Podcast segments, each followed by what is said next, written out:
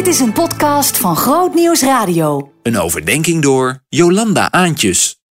Bij mij hangt een tegeltje boven het bed. Zo'n klein wandtegeltje dat ik eens op een rommelmarkt heb gekocht.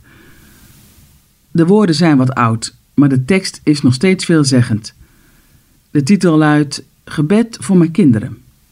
De eerste zin is: Ik leg de namen van mijn kinderen in uw handen. Op internet kun je het zo terugvinden. In de tekst bidt een ouder voor zijn of haar kinderen.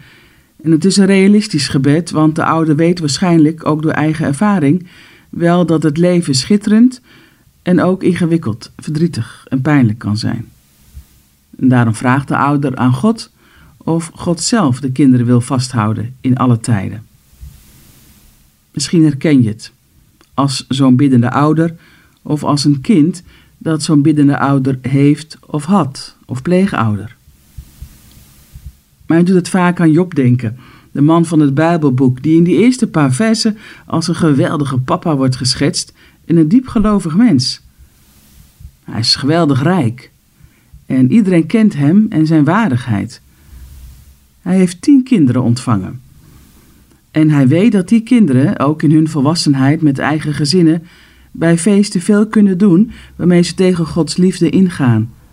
En dan staat er in Job 1, vers 5: Wanneer zo'n feest voorbij was, liet Job zijn kinderen bij zich komen voor een reinigingsritueel. Hij stond dan ochtends vroeg op om voor elk van hen een offer te brengen. Want hij dacht bij zichzelf: Misschien hebben mijn kinderen wel gezondigd en God in hun hart vervloekt. Job deed dit telkens weer. Job brengt als een priester zijn kinderen bij God. Hij deelt uit van genade, van de vrede van God. Een offer, een reiniging, om daarna zijn kinderen weer met vrede te kunnen laten gaan. Hij stond er extra vroeg voor op, zodat hij voor zijn werk zijn kinderen bij God kon brengen. Eerst bidden, eerst voorbeden, daarna het werk. Nergens staat dat hij een donderspeech hield tegen zijn kinderen. Hij gaf ze juist de ruimte en bleef altijd de vader die zijn kinderen bij de hemelse vader brengt.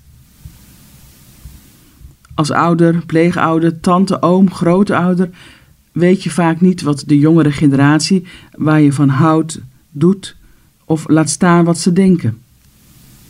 Ze gaan eigen wegen, zeggen we dan. En soms raast de onrust daarvan door je lijf. Dat tegeltje, die tekst, Jobs gedrag, mag ook het onze zijn. Hemelse Vader, bescherm hem, bescherm haar, houd ze vast met uw liefde.